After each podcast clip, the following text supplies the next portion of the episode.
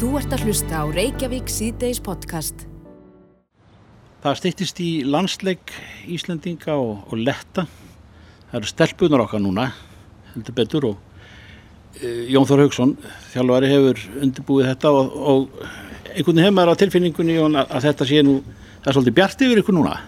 Já, já, það hérna, er, er mikil og góð stemning í hópnum og í kringum hópin og, og það er langt síðan við auðvitað komum saman síðast eh, vegna COVID að þá var, var leikjum fresta sem við áttum að spila bæði april og, og júni í, í undakefninni þannig að langt síðan síðast og, og mikil tillökkum fyrir leiknum í kvöld og, og þar sem við höldum áfram e, leikjum okkar í riðlinum þar sem við erum með fullt úr stiga og erum búin að vinna alla þrjá leikina sem að fram að fara í riðlinum hjá okkur. Þannig að það er mikil tillökkun og mikil og góð stemning. Mm. e komum aðeins að leiknum með þessi árangur Söru með Lyon hefur hent svona bjarsýnissprengi er það ekki, ekki inn á, á hvenna uh, fótbóltamarkaðin hér?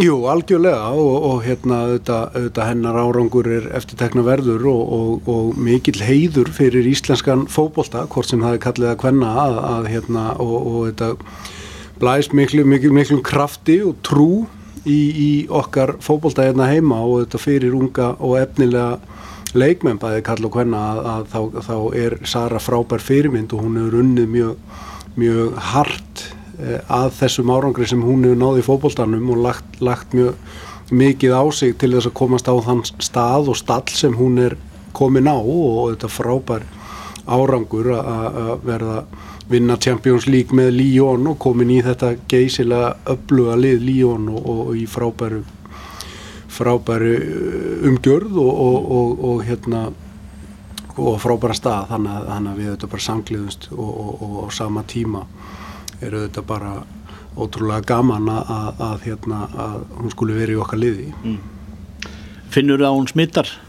Heldur betur, uh, hún, hún gerir það svo sannarlega og er okkar fyrir liðu og leiðtói og, og hún gerir það svo sannarlega uh, gefur mikið af sér og, og, og auðvitað, auðvitað hérna, er mikil fyrirmynd í öllu sem, a, sem að hún gerir og í kringum landslið að, að þá, þá, hérna, þá liftir hún öllu upp á, á hærra plan og og, hérna, og ásamt fleiri leikmönuliðsins við búum einstaklega vel með, með bæði karakter, við erum með sterkar karakter við erum með, með leikmenn sem að sem að, sem að hérna, topp leikmenn sem að, sem að smita út frá sér bæði í reynslu og, og gæðum. Þannig að, að við erum vel sett með það í, í, í íslenska landsliðinu. Mm -hmm. Ég spurði því og notaði orðið smitt það er nú ástæðan fyrir því að þú verður hafður eh, utan vallar þegar leikurinn fer fram eh, hvernig kemur bóðum til þeirra inn á völlin? Ég er í leikbanni þar sem að ég fekk rauðarspjaldið í, í síðasta leik okkar gett lektum uh, undir lokleiksins uh, hann að hérna, ég má engin afskipti hafa liðinu klukkutíma fyrir leik en, en hérna, við erum búin að undirbúa liðið og búin að vera með liðið síðan á, á mánundagin þegar það kom saman hann að undirbúningur gengið virkilega vel og, og, og rós til hópsins hvað það varðar að vera mikil einbytting og, og faglega unnið eh, að málum í eh, leikmönnum. Við erum með, með hérna stóran og öflugan hóp leikmanna sem að, sem að hérna, búa að mikill reynslu og, og, og eru vanir því að spila við ólíkar aðstæður og, og ólík verkefni og við búum að því. Að auki að þá höfum við frábæran hópa af starfsfólki í kringum liði, bæði þjálfurum og öðru starfsfólki sem, a, sem a er einstaklega vel manna þannig að við verðum, verðum hérna ekki í neinum vandraðum í, í þessum leik en fyrst og fremst e, erum við klári slægin tilbúin til að takast á við, á við leikin þannig að, þannig að hérna, ég verði stúku og fylgi, fylgist vel með. Mm -hmm. Uh, út af COVID hef, hefur umgjörðin breyst eitthvað? Uh, leikja fjöldi uh, leikmanna sem að þú ert með og svo framins til göttunum Já, já, það hefur náttúrulega gjör breytt landslýs árinu hjá okkur eins og ég sagði á þann þá, þá áttu við að spila í undakefninu bæði í april og í júni þeim leikjum var frestað og, og, og riðlaðist svolítið leikskipulæði í riðlinum. Mm -hmm Þannig að, hérna, þannig að það hefur breytt miklu og í þessu einstaka verkefni að þá auðvitað eru sóttvarnarreglur í, í gangi og við erum inn í þessari svo kallu búblu þar sem að, þar sem að hópurinn er saman og, og, og hérna þannig lagað má ekki hitta annað fólk eða, eða annað fólk má ekki koma inn í, inn í þessa búblu eða, útúrni þannig þannig að það eru margar reglur í tengslu við COVID og við þurfum að fara í test fyrir leikin og þeir leikminn sem er að koma utan fara í test uh, auðvitað landamæra eins og, eins og er bara í landslögum eins og í UEFA með sérstakar uh, COVID-reglur og sótvarnarreglur sjálfur þannig að testin er ótal mörg og, og hérna og þannig að þetta er svolítið sérstatt verkefni að því leiti til en, en, en það gengið mjög vel að framfylgja því og, og, útfæra það og það er bara hrós til bæði starfsmanna KSI og allra þeirra sem koma, koma að landsliðinu hjá okkur að, að hérna, þetta hefur verið mjög faglega unnið og leikmyndir hafa tekið þessu mjög faglega og, og, og sem að auðveldar auðvitað alla, alla útfæslu í kringu leikina og einbyttingin er mjög mikil á leikina og þessi sex stík sem er í bóði í þessu verkefni að hérna að, að, að svo vinna hefur farið mjög vel frá eh, Áður en ég sleppið þér eh, þar að segja lettar eru síndveið en ekki gefin. Uh, fær maður að heyra. Það, er, það geta átt sína spretti og sem eru varasamir. Hvernig fer þetta hjá okkur?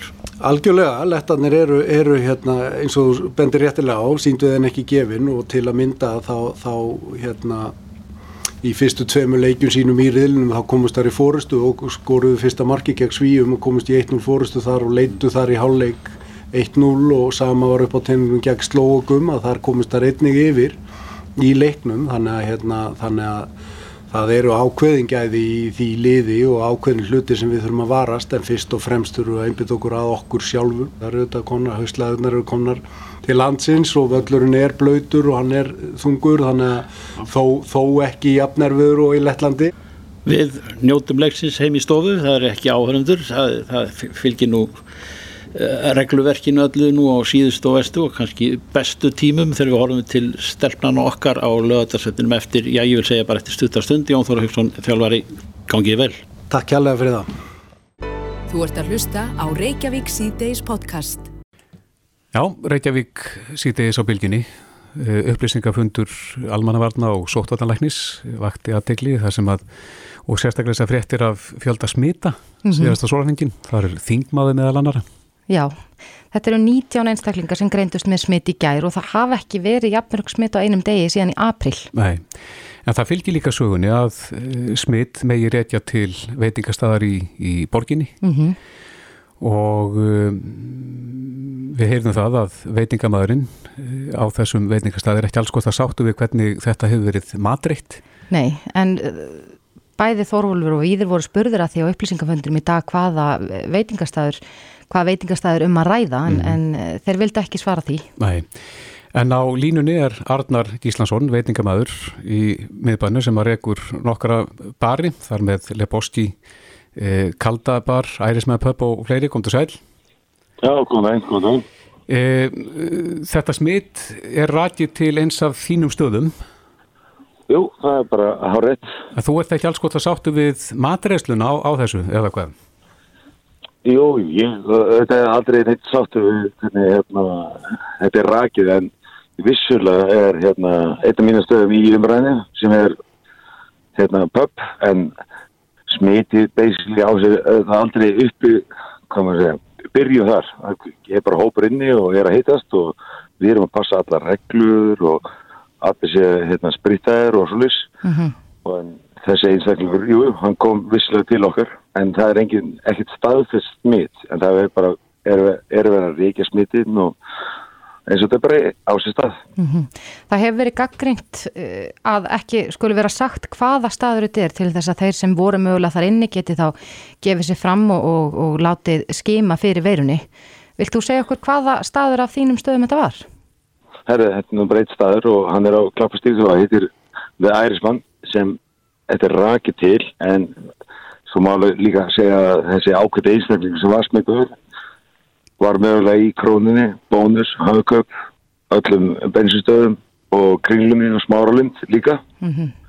en það verðist vera þannig að fjölmjölar vilja ekki fjalla um ef einhver einstaklega greinist í smárlundi eða kringlundi eða einhverju bensinstöðum eins og þess en ef það bara fjallum að einhver greinist eða smitast mögulega á veitikastað þá ekkert mátt, þá tökum við það bara á okkur en mér er mjög skrítið að þeir fjölmjölar fjalli ekki um smitt í kringlunni, smárlund bónuskrónunni eða hvað sem er mm. hvort sem það er á auðlýsindum, kostandum eða eigundum það bara er það áhört Já, finnst þið skotmarki sett á, á þá veitingastæðina frekar en aðra staði?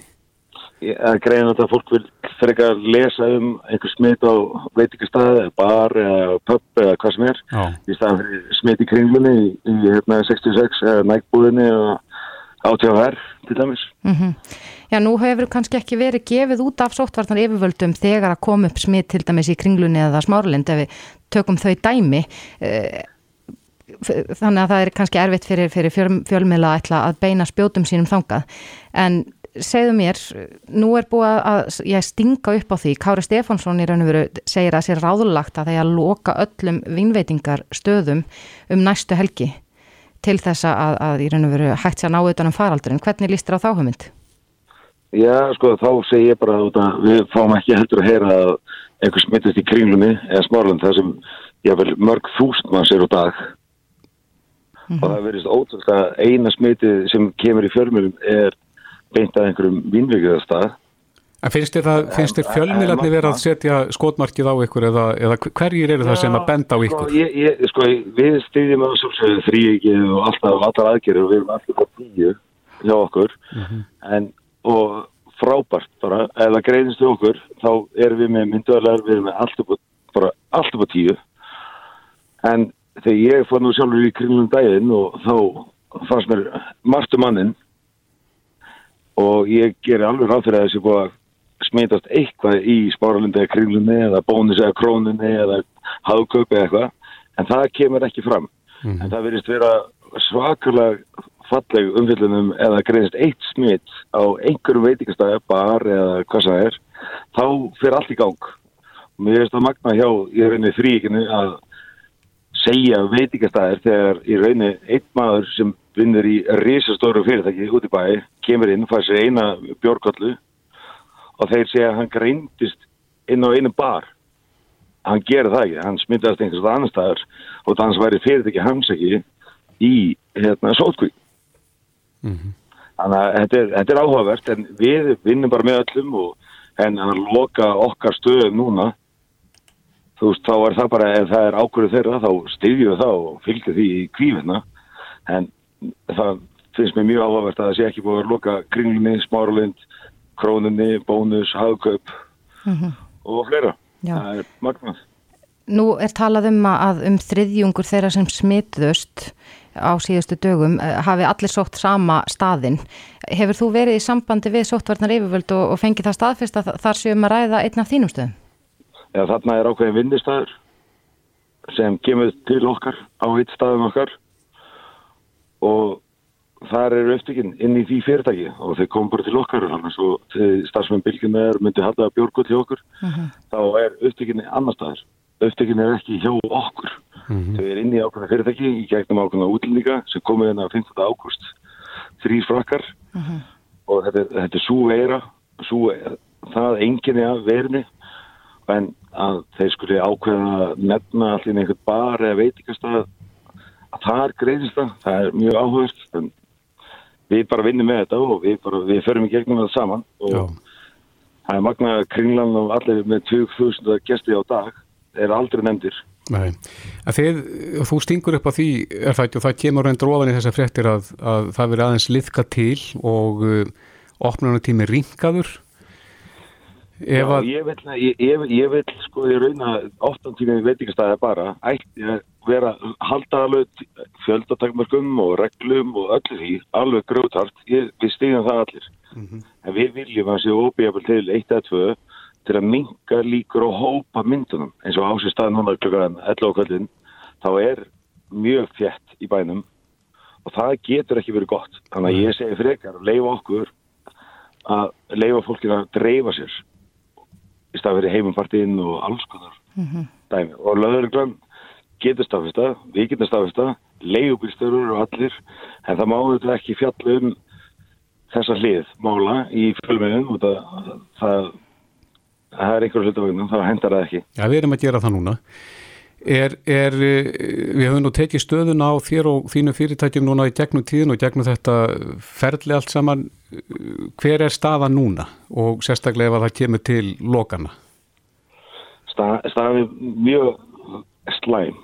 Við erum svo sem alveg búin að undirbóka hann eða hérna síðan í, í hinni kreppinni sem er 2007-2008 þá erum við búin að okkur undir næstu kreppu en við þetta vissum ekki um að vera svona en við vinnum bara í þessu og við hérna, erum að reyna að halda okkar starfsfólki og borga laun og leigu mm -hmm. og, og maður veit ekki neitt. Maður veit, maður, maður veit ekki neitt. Maður bara vonar að besta og við erum í þessu saman. Eins og við heyrum á þér þá ertu ja, ansið gaggrinin á það að það sé verið að bendla þetta þessa sjö uh, við, við þinn staða ef þetta eru allt fólk sem hefur já, umgengist hvort annað á vinnustad til dæmis. Uh, er þetta, er þetta fyrsta dæmið um, um slíkt? Að það sé bendla við vinnveitingastað þegar að mögulega hef, hefur smitið átt sérst annar staðar? Já, þetta er, þetta er mjög harkalegt að segja að það sé þetta að þetta hafi smittast inn á vinnumstað út af ég veit að þetta er ákveðin starfsmannahópur hjá öðru fyrirtæki, mjög stóri fyrirtæki og þeir ákveða að bendla þetta við ákveðin vinningastað þegar í raunni hópurinn kemur annars það frá mm -hmm. en ef, það hendar þá bara tökum við því og við erum með allt okkar á hreinu og ég veit að allir bara veitingastar í bænum eru að sinna öllu mjög vel mm -hmm. Arnar Gíslason, veitingamæður uh, í miðbæ Reykjavíkur. Kæra þakki fyrir þetta og gangi ykkur vel. Ekki móli. Áfram gakk. Bless, bless. Takk, takk. Hlustaðu hvena sem er á Reykjavík C-Days podcast. Mm -hmm. Hefur gert bindandi tilbúð í hlutafjár útbóði Æslandir og uh, samkvæmt heimildum fréttastofu hlúða tilbúð upp á 7 miljardar gróna. Mm -hmm. Og þetta er svo sama og, og kefti, er það ekki úr þúraldabúi Váer? Já, meðalansvörumerkið og, og annað tilt einmitt. Þannig að þetta hljóti að vera stór tíðindi eða hvað? Jón Karl Ólásson, fyrfirandi fórstjóri Æslandir og okkar helstir átjaf í þessum flugbransamálum er á línu og kom til sæl. Góðan til blessaðan daginn. Já, hvað segir þú? Hvernig líst þér á þessa þróun? þetta var óvand tvist sem kom upp með þessu, svo sem það er alveg klart. Það er alveg byrjaðu bara á því ég hef haft þá skoðun lengi að, að þetta hlutafrútból hýtu nú að, að verða og ég hef trúið því að það muni takast hann á þessu það hefur nú ekki ennþá komið framkort að heldar fjármögrunin hafi gengið í, í, á þessum tegundum sem átbúið þegar staðið yfir en, þetta er óneitilega reynistóðum myndi það að þetta hýtur að, að vera þannig að eftirspunni verður náttúrulega meiri heldur en, heldur en ekki vegna þessara stóru, stóru tilbúið frá ballirinn mm -hmm. Þannig að en breytir það ykkur þar að segja að fá þennan fjárfesti inn? Nei, nei, það er sjálfsög ekki. Ég held að það sé náttúrulega 20 þessu auðvitað, auðvitað veit maður svo sem ekkert að gera svona tilbóð og síðan hvað, hvað likur á bakviða. Það kom fram í ykkur í frétt að, að hennar ekkert væri að einhvern veginn að samina þetta við þrótabúið eða við verum ekki vá og samnýta þetta áfram. Hvort hún er að velta því fyrir sér að nýta þetta þrótabóikurinn haft inn í það að fá ná að kaupa þá hluti aðstandir í gegnum það eða hvort þetta er reyn kaup mm -hmm. það líkur auðvitað ekki fyrir auðvitað líka svolítið sem að maður þurfa að velta fyrir sér að að svona sangvært lögum þá eins og ég skilit og þá, þá er, getur ellendur aðeins ekki kift ráðandur hluti í, í, í íslensku hérna, flutningsfyrirtæki þannig að hvort að þetta er þá gett ekki ennum einhverju íslensk fyrirtæki ég bara reynilega veit ekki skiljið þannig að það er alls mhm. konar spurning og svo sem er sem að eftir að svara um það með hvaða hætti þetta gengur eftir ef það gengur eftir þannig að það, þetta er svo sem er ekki búið þó að tilbúið það hefur komið fram. Nei, gerir þú þér eitthvað grein fyrir því hvers, sko ef við hugsaum um 7 miljardar króna, hversu mikill hluti þetta er af sko heldar uh, já, pottinum?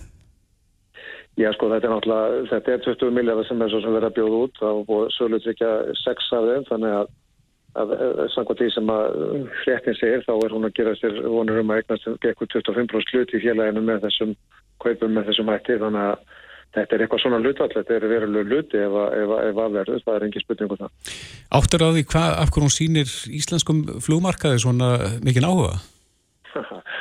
Já, ég sko, það er alveg ljóst að íslensku flugmarkar er að mörguleiti mjög áhugaverður og, og, og Íslendingar eiga að vita það að þetta er alveg með ólíkitt hvernig við hefum byggt upp á undanfjöndum áratugum flug starfsemi sem er sko í, engu samhengi við stærð þjóðar eða markaði sem við hér erum að ræða. Þannig að það er auðvitað þannig að, að það var margir sínt þessu áhuga að, að, að þessi þetta eru margir farþegar og ef, ef allt gengur eftir þá er þetta þá er þessi skiptistuðu keflaug orðin mjög svona uh, stór hluti af, af, af farþegarflutningum um, um norður alls, það er sérstaklega það sem er skipti markað er að ræða þannig að Það er staðsetning landsins þá.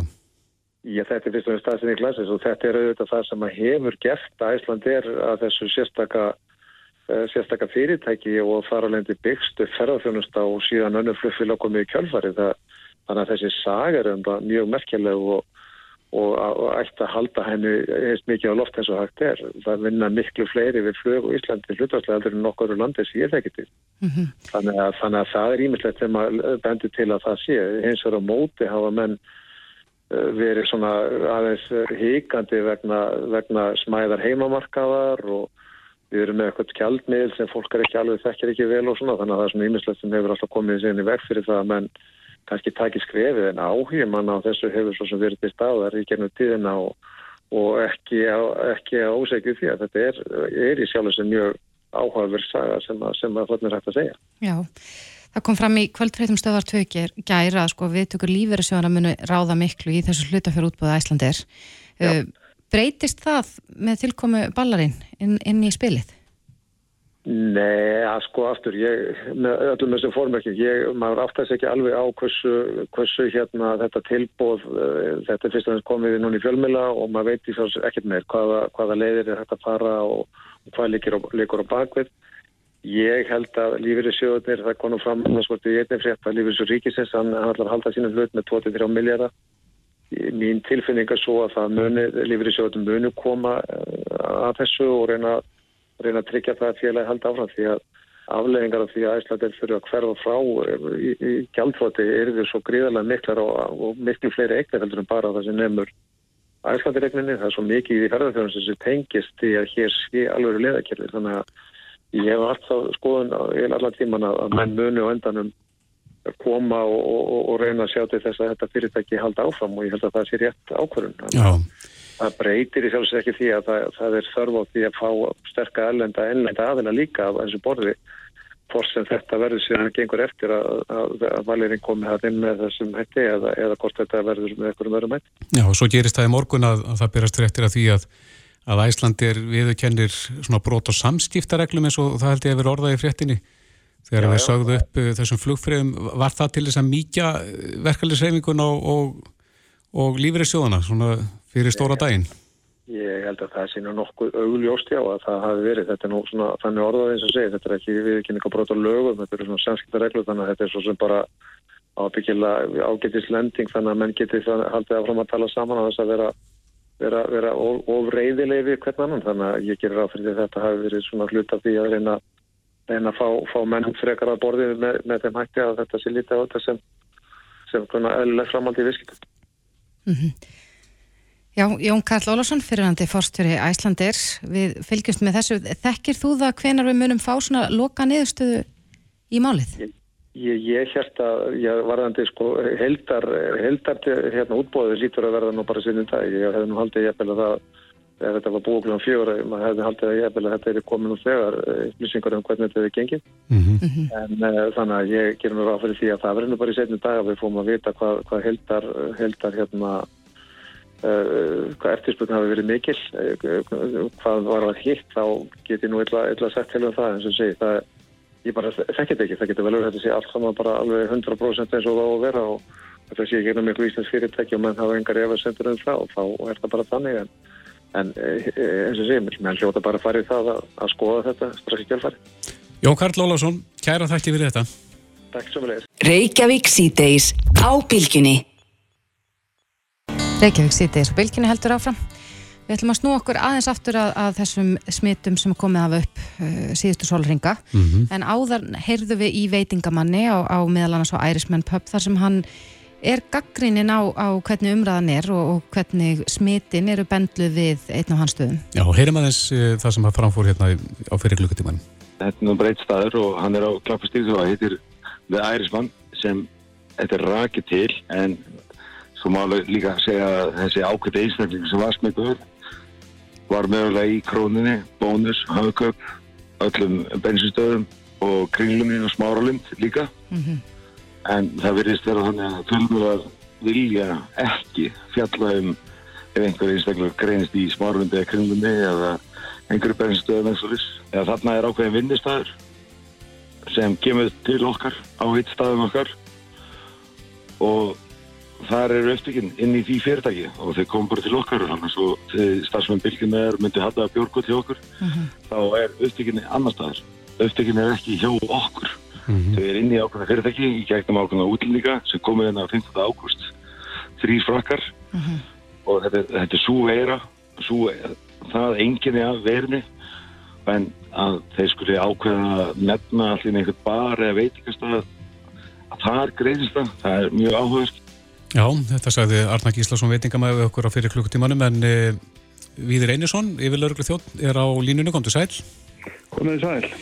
Já, þú heyrir í veitingamanninum er, er ósandjant að benda þetta við veitingastað þegar þarna er, er vinnustadur sem umræðir eða samstagsmenn Já, ég átti nú gott samtali við við Arnar á það, við fórum að segja þetta. Þetta er náttúrulega þannig að, að þetta er í sjálfsög bara óhefni að þetta að þessi smitt uh, séu líklega að fara fram þarna. Þetta eru sem sagt ekki bara eitt vinnustöðar, þetta eru nokkur ótegndir einstaklingar sem að, sem að hérna, eiga það sammeilið að koma inn á náttúrulega stað og það er ekkert, sko, ekkert að hjá staðnum. Þeir, þeir eru með allt sitt alveg á hreinu, þeir uppfylla allt sóttundar og alla reglunar, þannig að þetta er ekki smitt frá starfsfólki til, til, hérna, til viðskiptavinna en slík sem er alveg, það er alveg rétt hjá hann en, en hérna En þetta er, þetta er staðan að það verður hérna smittmiðli ótegndra einstaklinga inn á þessum stað og, mm. og, og það er heiðilegt að hann að koma fram og bara nefna þetta og hann, þeir hafa verið mjög hjálplega við okkur í, í smittræningunni, hafa staðið sér mjög vel í því og,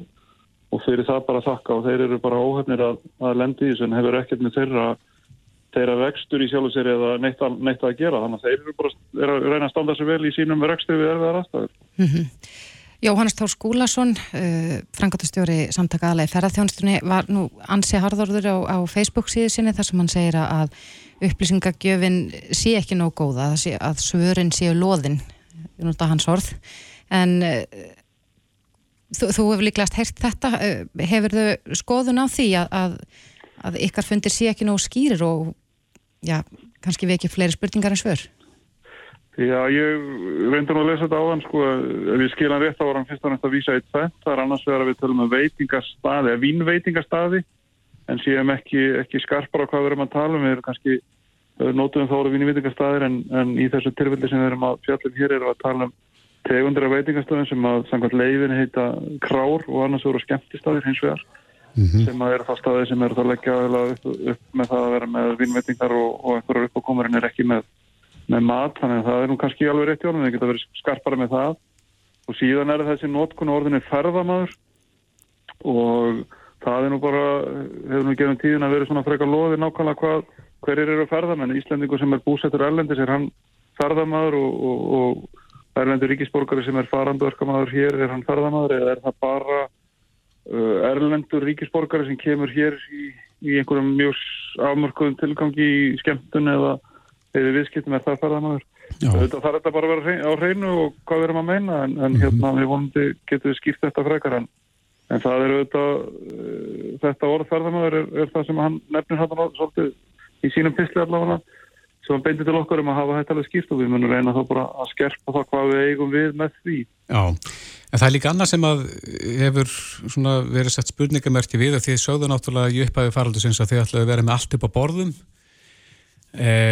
svo er spurt, er, er ekki lægi að nafngreina þá staði það myndir kannski hjálpa til við smitrakningu ef að, ef að eh, það er þið allt saman ljóst hvar ákvaða stöðum smitin er að er talað þau í upprunnar sinn Já, þetta er mjög góð, góð punktur. Við hefum sagt að við ætlum að vera með allt upp á borðinu. Við hefum líka sagt að við ætlum ekki að vera að benda á einstakar staði eða einstakar fólk sem hugsanlega smittbera eða smittstaði því að það sem ég er erfitt að greina nákvæmlega farum. Það eru einstök tilfelli þar sem að, þar sem að þetta hefur uh, þar sem hafa komið upp hópsíkingar einhvað slíkt og, og, og menn hafa farið í það að nefna staðina. Við hefum aldrei gert það fyrra bræði og ég hef ekki nefnt ærismannpöpp nema eftir að við erum búin að tala saman við Arnar og hann er búin að gefa mér leiði fyrir því að, að nefna hans staði þessu sammingi vegna þess að þeir eru að gera allt til þess að hjálpa okkur að ná til allra sinna gesta mm -hmm.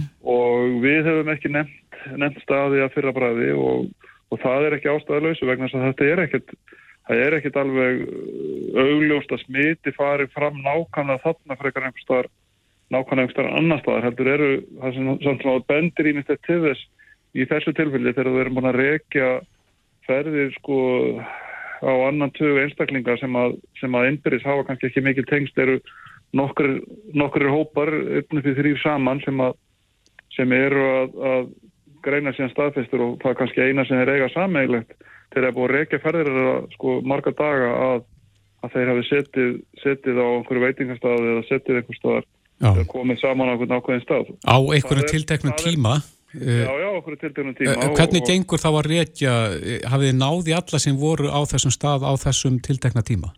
Nei, við erum að fara að senda frá okkur beini til þeirra sem að voru á, á Ærismannpöpp á, á förstaskvöldið og gerum það samfunni við eigundunar að á morgun verður hægt að skrási í gegnum heilsuveru á, heilsuveru.is í sínatöku og, og við erum að hvetja þá sem voru það síðast á fyrstundamillir kl. 4 og 11 að og hafa ekki, hafa ekki verið í sínatöku, hafa ekki verið í samskiptum við okkur vegna, vegna sótt hverja annars líkt að skrá sig í, í sínatöku á morgun. Þetta verður valkostur sem það er í bóði frá með svona kannski háti á morgun eitthvað svoleiðis. En er það ekki þetta sem stiftir svo miklu máli? Það er að segja að geta komið strax fram nakkurinn staðinn, stundina og hvart fólk sem var á þessum tiltekna stað á þessum tiltekna tíma að láta skima sig?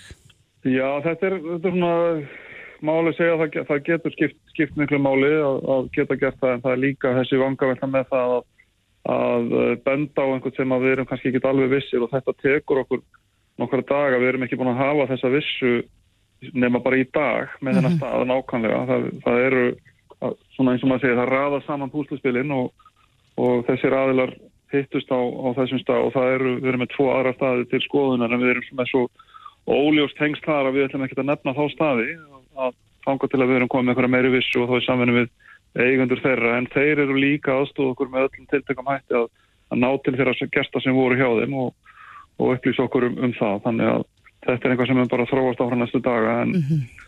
en það þarf að gæta mörgu í þessu og, og auðvitað almanna heitl og helsa þeirra sem að viðskiptafina sem þarna voru á ferðinni skiptir auðvitað mjög miklu máli en, en það þarf líka að gæta að réttundum þeirra sem reyka þessa staði og, og annað líkt þannig að við þurfum að gæta okkur, gæta okkur í þessu að fara eftir öllum, öllum lögum og reglum sem að gilda í landinu. Við, við höfum sagt að margótt í þessum farandur að við viljum ekki fórna sko, réttundum fólks í þessari baróttu. Við erum að setja mjög stranga kraf, hérna, hvað er á okkar, okkar líf en, en við viljum ekki, það er einhver staðar í lína sem að, sem að, sem að sem mann vilja ekki fara yfir í, í, í það að ganga á persónlega rétt fólks. Nei, Þórólfur hefur sagt að það mun þetta kalli á mark, markvisar aðgerðir og þá mögulega í tengslu við vinnveitikastæði. Telur þú mikla líkur á því að, að eins og þú segir allar krára þeim verði lokað út af þessum nýju smittum?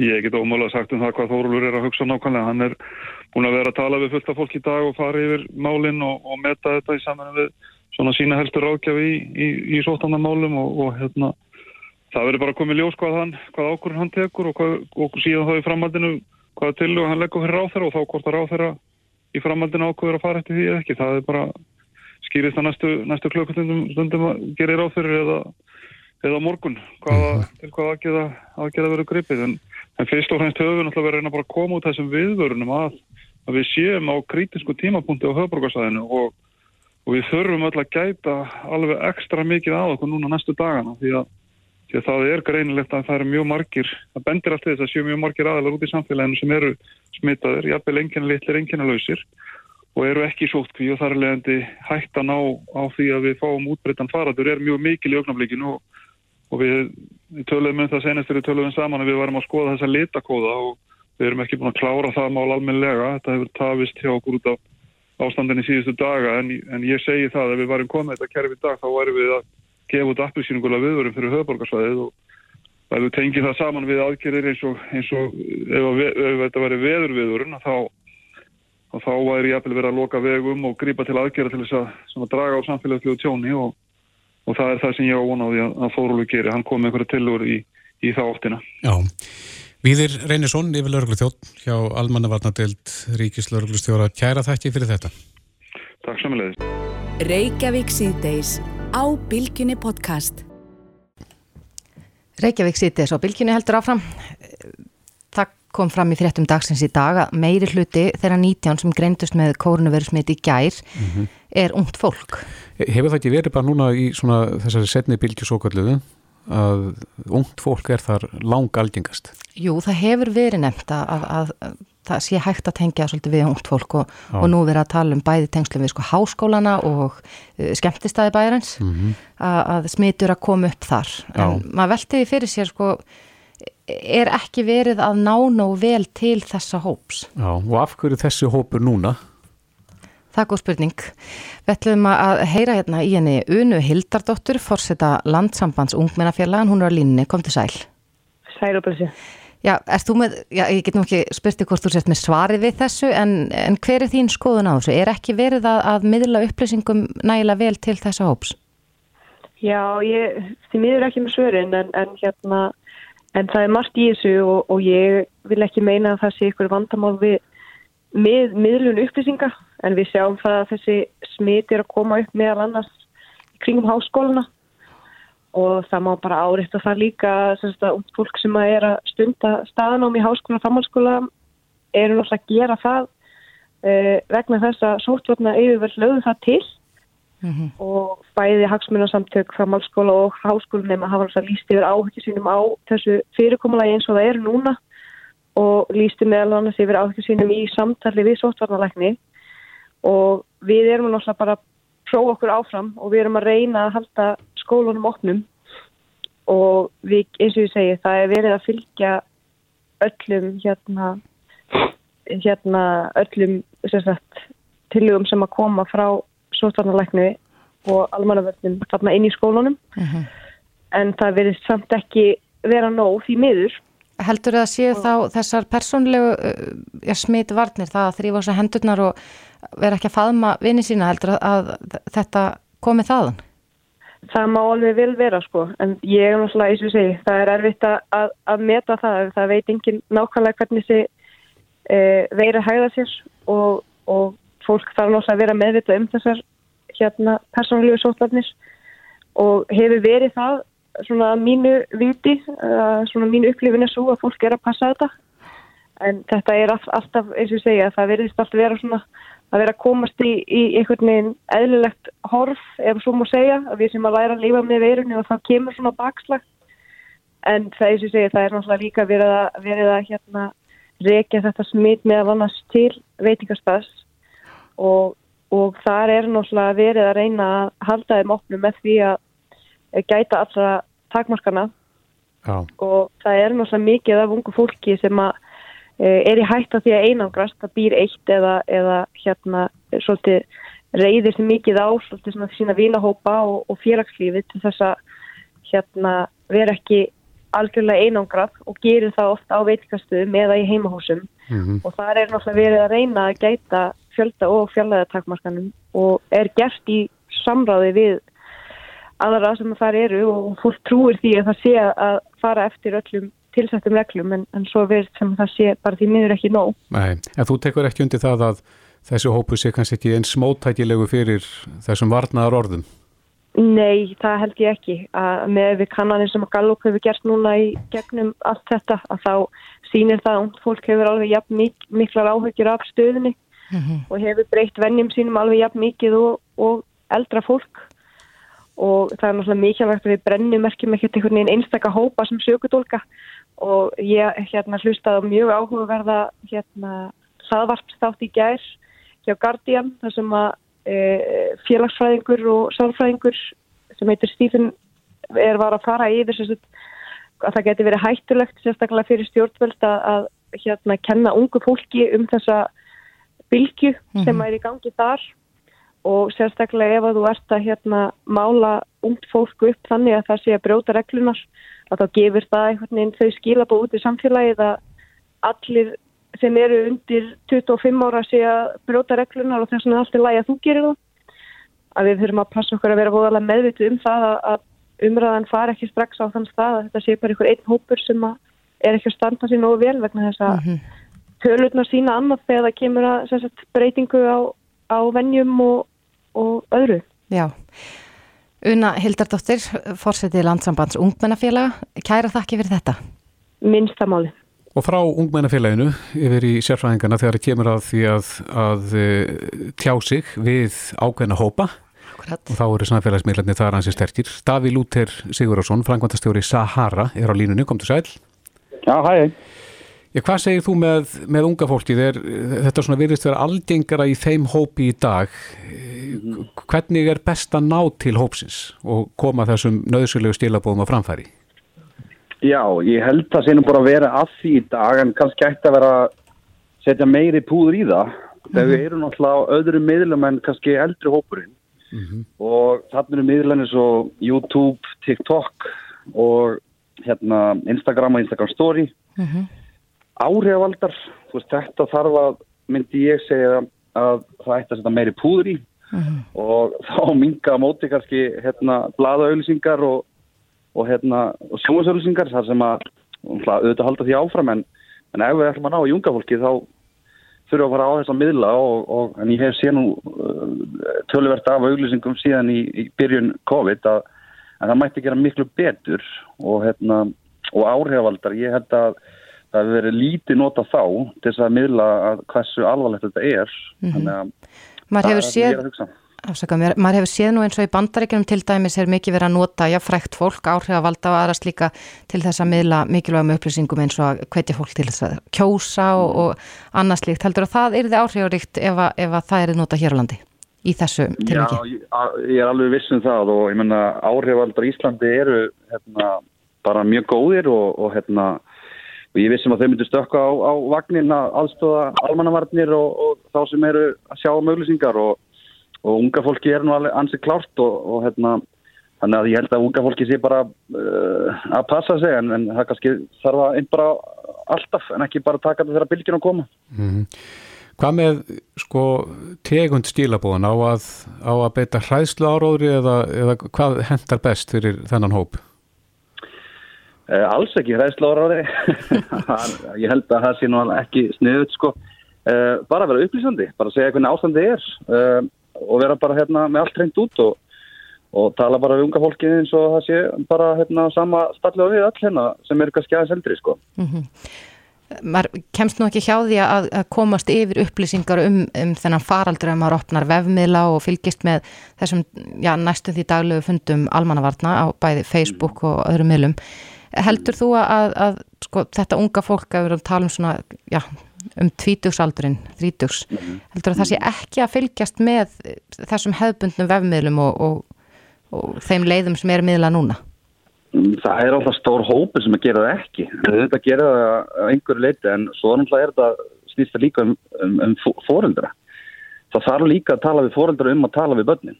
Það er ekki mhm. bara auglísika snúist um að tala við fullmanafólki og, og hvað má og hvað má ekki. Heldur að það er um að gera bara að vera með fræðslu til fóreldra og hvernig þú nálgast unga fólki og þá er ekki bara að tala um tvítu heldur börn bara eins og ég og ég var einu sjóra stelpu og eitt 15 ára og maður er, tekur hérna spjallið hérna við eftir hverja bylgi og útskýri bara mannamáli hvað er að gerast og, og allan að mínbönnir er ofsalega dögli að vera vakandi fyrir hinn og þessu og, og hérna fara eftir öllur reglum sko en, en, en ég held að það sé bara sniðut að, að, að hvað maður að segja, setja bara auðlýsingar á alla staði og dreifa þeim vel og vandlega fyrir alla markkópa. Einmitt. Látum þetta vera loka orðin, Daví Lúter Sigurðarsson, frangotastjóri Sahara. Kæra þakki fyrir spjallið. Takk. Reykjavík síðdeis á Bilginni podcast. Reykjavík síðdeis, um, við Íslandikar eru kannski ekki mjög vanir svona tali um, um eggja og sæðisbanka. Nei. Þetta verið mjög aldingara úti Já, ég held samt sem áður að þetta hefur uh, tölvöld breyst á, á, á kannski síðustu árum, þetta er orðið minna feimnismál. Einmitt. Og það er náttúrulega að hafa verið klínikur hérna sem að hafa uh, stýnt þessu mjög Mhm. vel. En uh, Livjó, ekki á sæðisbanki Livjó, setti litla tilkynningu á fjörsbókasíðu sína, núna ekki alls fyrir löngu, það sem var svona verið að minna á starfseminna og, og um leið að hvetja fólk til þess að, að gefa ekk og sæði. Akkurat.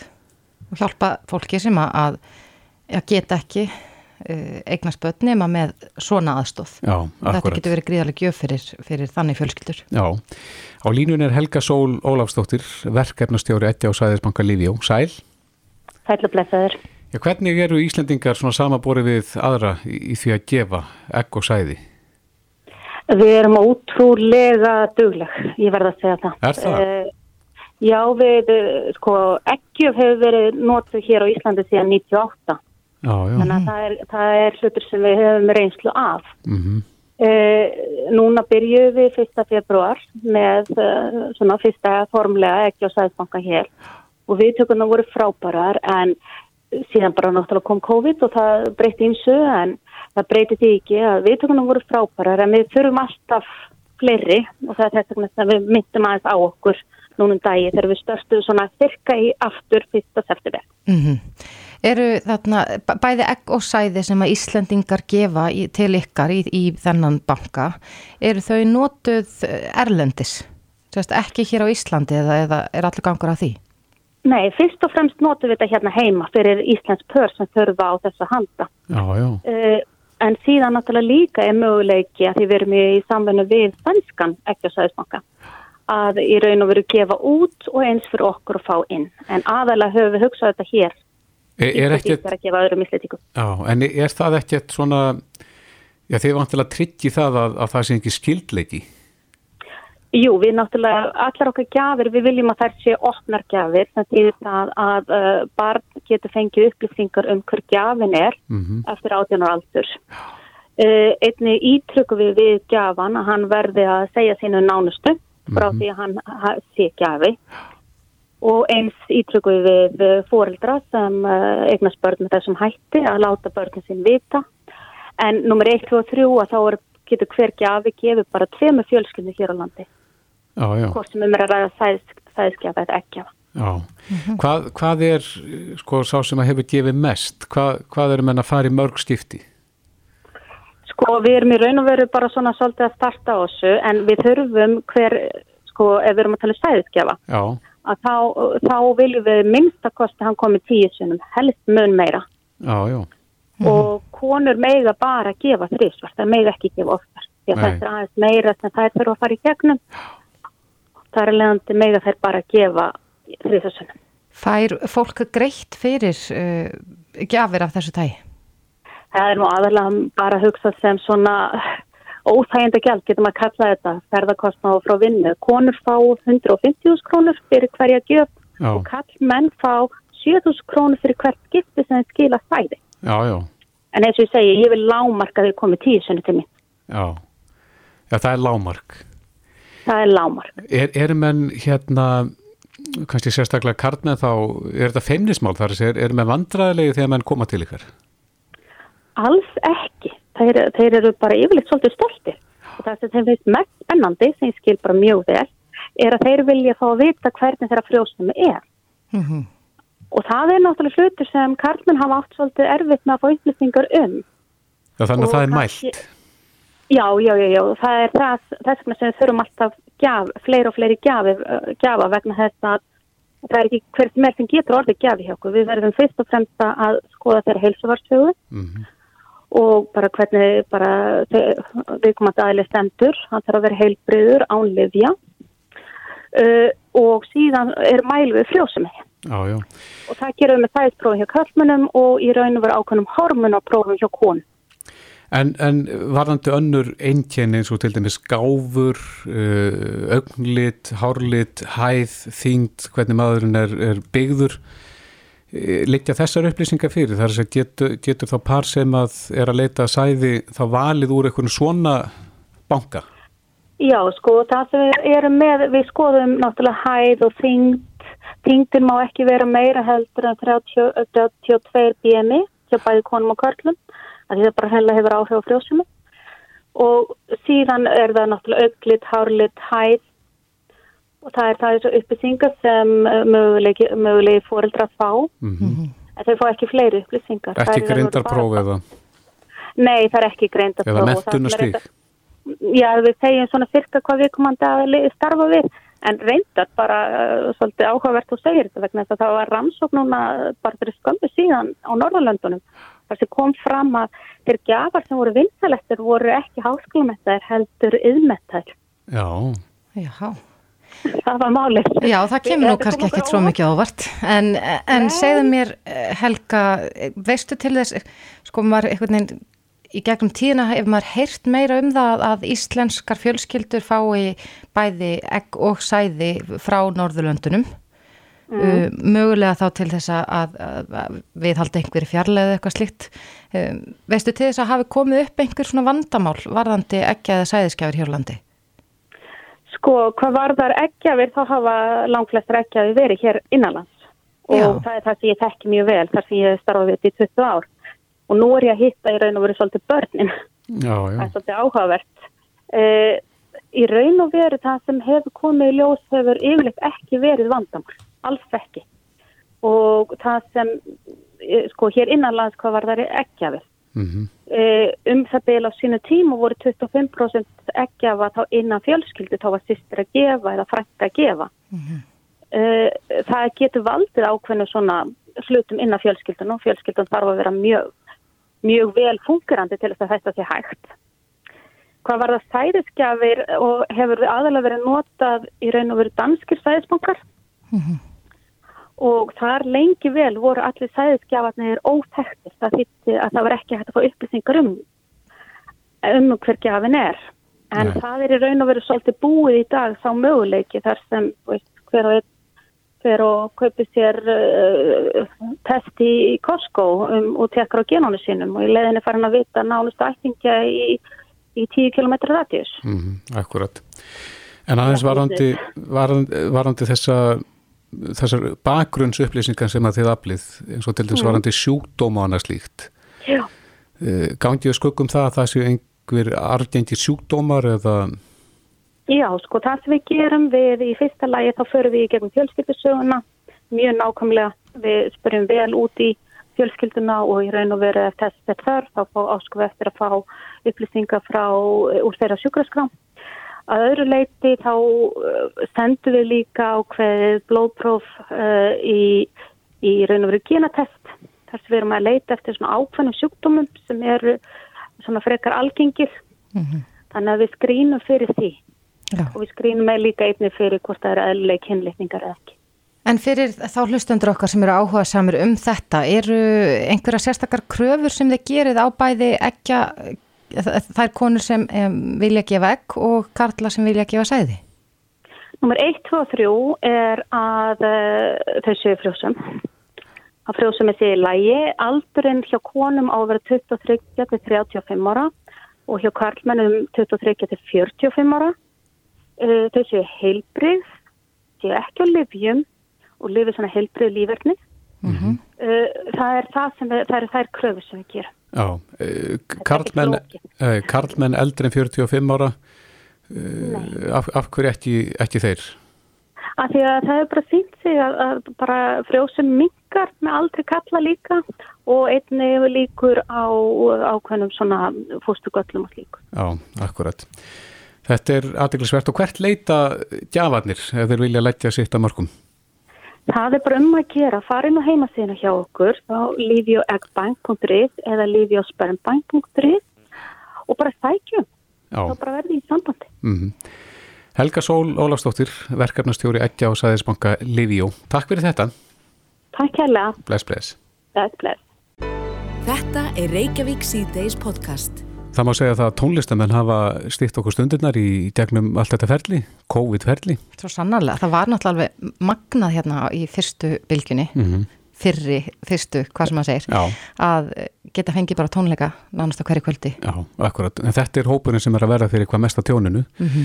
en ég hef nú yfirleitt sagt það í gegnum tíðin að þetta er yfirleitt gjafmildasti hópurinn þeir eru alltaf fyrsti til þegar það kemur að því að, að styrkja góð málefni og annað slíkt Mhm. þannig að eh, þjóðin skuldar þessu fólki svo sannarlega en nú allar Ingo, einn ástsælasti söngvari þjóðarinnar um þessa myndir hann allar að stíða stokk á stöð 2 Já, mér skilst það að verði gig á öll, föstudagskvöld. Uh, já, kannski ekki öll í en og kannski aðeins íkja en allavega næstu föstudagskvöld. En Ingo er á línunu, kom til sæl Já, selveri. Já, þú ert að byrja með þessa tónlistarþætti á stöð 2 og uh, getur þú sagt okkur aðeins frá þeim, hvernig, hvernig verður þetta hjá þér? Sko, það var bara svo komið að málið um með að gera eitthvað svona tónlistaprógram stöð 2 mm -hmm. um, og við vissum eiginlega ekki alveg hvað við erum að fara út í eins og þáttur einn svona orðið svolítið til og ég er eiginlega orðið mjög spenntur vegna þess að þetta er, ég held að þessi besta lýsu sem svo væri bara fluga á vegg í eftirpartíi með svona bestu söngurum og tónlistamönnum þjóðarinnar sem eiga allavega ekki af lögum sem að svona flestir kannast við. Já Hvaða lög, er þetta bara brekkan eins og þú ert nú þekktu fyrir eða Nei, ég myndi ekki segja það sko. Ég, þetta eru frekar svona gestir sko. Fólk getur eiginlega bara nefnt einhvern íslenskan tónlistamann sem heldur upp á og þá vonandi kemur hann fyrir hans tónlist en svona ég er með gesti sem eru tónlistafólk svo er ég með söngur og söngkonur og mm Mhm. hljómsveitina mína svona litla hljómsveit með mér og ég er svona spjallaði fólki bara um það sem mig langar til að vita svolítið eins og maður er náttúrulega hitt flesta tónlistamenn Íslands svona í einhvern tímann baksviðis og svoleiðis og Mhm. átt samskipti við þau og þá svona fljúa á milli alls konar sögur og skemmtilegheit og spjall og svona og svo er talið í lag og það er svona pælingin að leiða bara fólkinu heima að vera svolítið með í þessum fíling sem er svolítið öðruvísi heldur en þegar fólk er að koma fram uh, vanalega sko. Akkurat, en þú, þú þið ætlaði að syngja ykkur svona í gegnum íslenska tónlistarsögu, þetta verður bara allt, já, katalógi okkar frá A til Ö eða hvað? Já, það má alveg segja það og við reynum frekar að hafa fleiri lög en færri í hverju þætti þannig að þetta er svona svolítið eins og svona, er svo sem er með aðtiklisbresti í partí sko, það er alltaf sett á nýtt lag og nýtt lag og þetta er svolítið svoleiðis konsept að við tökum stuttbrót úr þessu lagi, ræðum það svo aðeins. Þetta er svona sirpur Stuttbrótur ykkur öðru, já, ekki, já, en samt ekki sirpur sko, það er bara svona spjöllum um eitthvað lag, tökum smá brótur í, leikum okkur aðeins, spilum sér næsta og tölum aðeins um hvernig það var til og leiðir yfir í annað og það er svolítið eins og bara eins og ég segi, eins og ég myndi hitta allavega mína uppbólst tónlistamenn og fá að spyrja það aðeins út í þau lög sem ég finnst flottust og þeir hérna, sum, svo syngja stundu sjálfur og svo syngu bara stundum eru með stórkostlega söngkonu líka og, og söngvara með svona í þættinum bara til að flytja lögin þá eftir þessa listamenn sem koma sem gestir. Þannig að það er svona planið bara öllum líði vel og getur svona svona sagt frá sínum katalóg. Já, en Ingo, þú átt uh, tvo stærstu smellina í sumar, það er að segja þjóðutíðalagið sem að margir, margir segja sé bara eitt flottasta þjóðutíðalag allar tíma. Og svo er það gigglægið þitt í kvöldi gigg. Ertu svolítið að gera upp uh, þitt líf í því lagi? Uh, já, já, allavega svona lífum þetta á köplum sko, það er náttúrulega verið alls konar en um, það náttúrulega er alltaf svona svolítið vinna, fara í gig og stundum er það gaman og stundum ekki og giggin eru misjöfn eins og eru mörg. Mhm. þannig að já, já, þetta er svo sem alveg alveg hérna raunsæð saga á því svona hvernig fílingurinn er stundum að leggja á stað en svo stundum er það náttúrulega bara eðislegt en, en stundum ekki, þá er það svolítið svona kvöldi gig fílingur og náttúrulega átti maður svona sögu þar sem maður var alveg á fullu bara hverju einustu helgi á miljón sko sem er svo sem alveg aðeins þannig núna en maður er svona uh, Já, alveg eins, ég er nú hérna á Altanesinu sko. Já, þú varst að fikra þig nær. Frá vinunum sko, hjá svona vinum að ég hafna fyrir Já, En hérna, til dæmis Jóhanna Guðrun og Daði sem eru nú í fyrsta þætti, þau búið nú í fínu húsi hafna fyrir þannig að. Það væri nú fínt að vera hérna aðeins nær fyrðunum sko og, og borga lífinu. Ég ætlaði akkur að fara að spyrja það því, sko, fyrsti þátturinn er á morgun, bara beintu eftir fréttum á stöð 2, en hverjir eru það sem koma til þín í fyrsta þættinum? Þú sagðir Jóhanna Guðrún, er einhverjir fleiri sem koma? Sko, ég er alltaf með hljónstina mína sem er Einar Örd píónleikari og Bjössi Saks og svo Steindur vinnu minn og bongotrómur, við erum bara aðalega húsasmiður eða smiður. Og svo er þess að í fyrsta þátt þá koma Jóhanna Guðrún og Davíð, maðurinn hennar, það verður á gítar og hún syngur svolítið og svona og svo eru Haldur Gunnar og Sverrir Bergmann svona Sverrir Bergmann er ótrúlega söngur og Haldur Gunnar hefur samið mikið af fallegum lögum og þeir spila líka saman þannig að þetta verður svona gítarkoncept svolítið, margir og gítar og, og bara svona, nefnit, eins gott kassagítapartí og hægt er að halda, myndi ég segja sko. Já. Já, þetta er svona uh, um það byrja hálftími, ef það ekki. Þátturinn? Já. hann er 45 myndur þannig að það er svona tón, tónlista veistla alveg standandi sko við erum að já, þetta verður, kert svolítið vel áfram sko Er þetta skemmtileg tilbreyting fyrir þig að, að færa þið yfir í sjónvarp eftir að hafa verið á sviði í, já, þó nokkur ár?